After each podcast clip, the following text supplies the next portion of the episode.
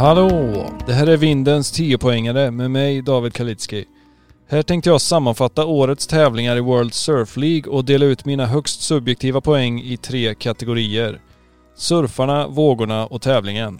Kelly var tillbaka, Swellet var i stan och fighten om topp 5-platserna börjar bli väldigt tight. Allt var med andra ord upplagt för ett rejält afrikanskt antiklimax. Men var oron obefogad?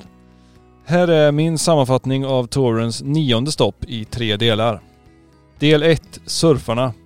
Startfältet såg, ska vi säga halvstarkt ut på förhand med Tyler Wright, Kelly Slater, Seth Moniz och Baron Mamiya alla tillbaka i tävling. Tyvärr saknades ju både Johnny och Gabby som stannade hemma med varsitt trasigt knä. Man kan ju inte få allt men det hade ju varit kul med i alla fall en tävling utan återbud från något stort namn.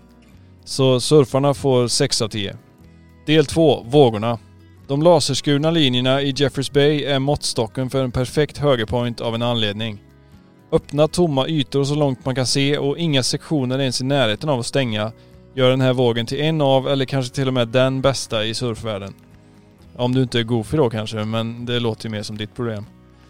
Du kan välja mellan att hålla railsvängen i en evighet, kasta halva vågen upp i luften 8-10 gånger eller lägga i turboväxeln och ta raka spåret mot en overkligt lång tub. Allt finns på menyn och baren höll öppet hela tävlingen igenom. Hur skulle vågorna kunna få något annat än 10 poäng? Del 3, tävlingen. När jag själv besökte J-Bay för ungefär 100 år sedan så möttes vi av ett tydligt budskap klottrat på en mur längs vår väg ner till stranden. We grew here, you flew here, locals only.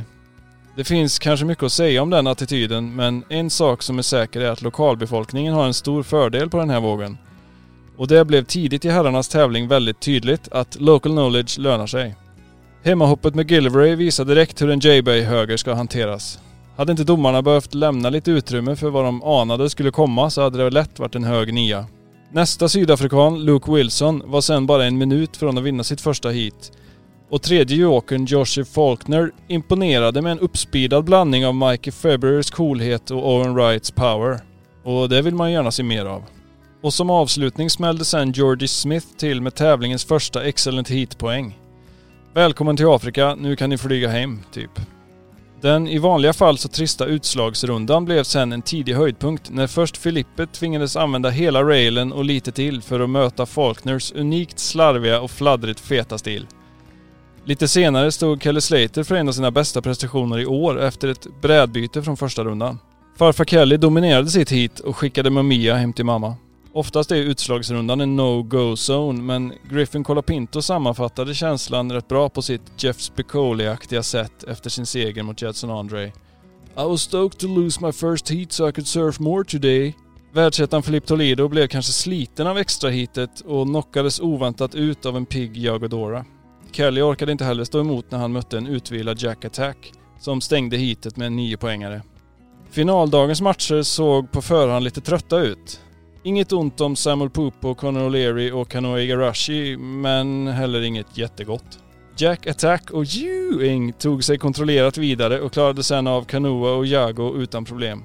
Finalen blev en fight mellan två ultrafokuserade surfrobotar. 3D-printade i titan i ett hemligt högteknologiskt surflabb.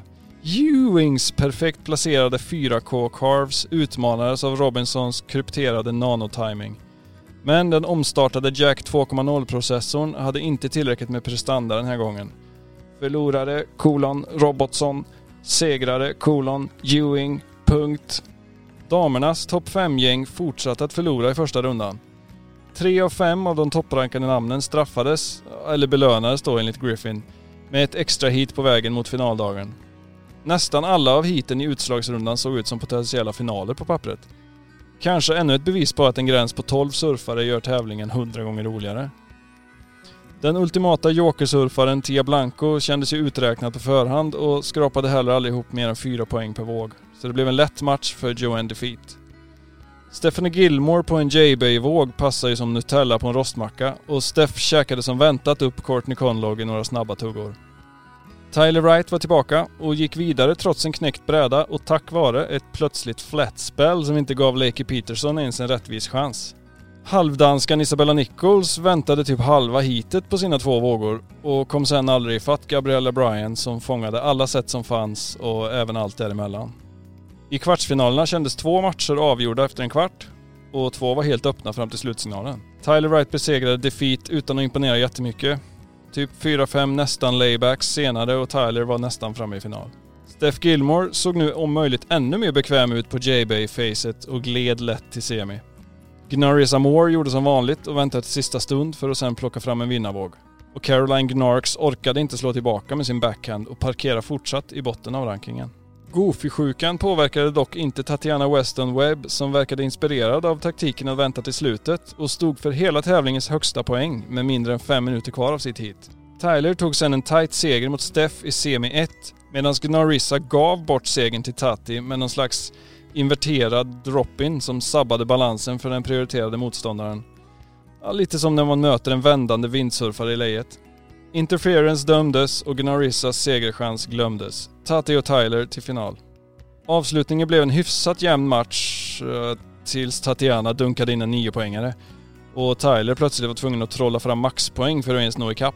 Segern till Weston Webb och kanske dags för mig med flera att omvärdera Goofy-surfarnas chanser här i Sydafrika. Inga jättehöga höjdpunkter, megaskrällar eller superspännande händelser men en helt okej okay tävling som helhet så betyget blir 6,5 av 10. Och avslutningsvis ett frågetecken. Inga claims är bra claims, men är Jack Robinsons hetsiga pekfinger mot domartornet efter varje tub eller storsväng kanske den absolut svåraste claimen att tycka om?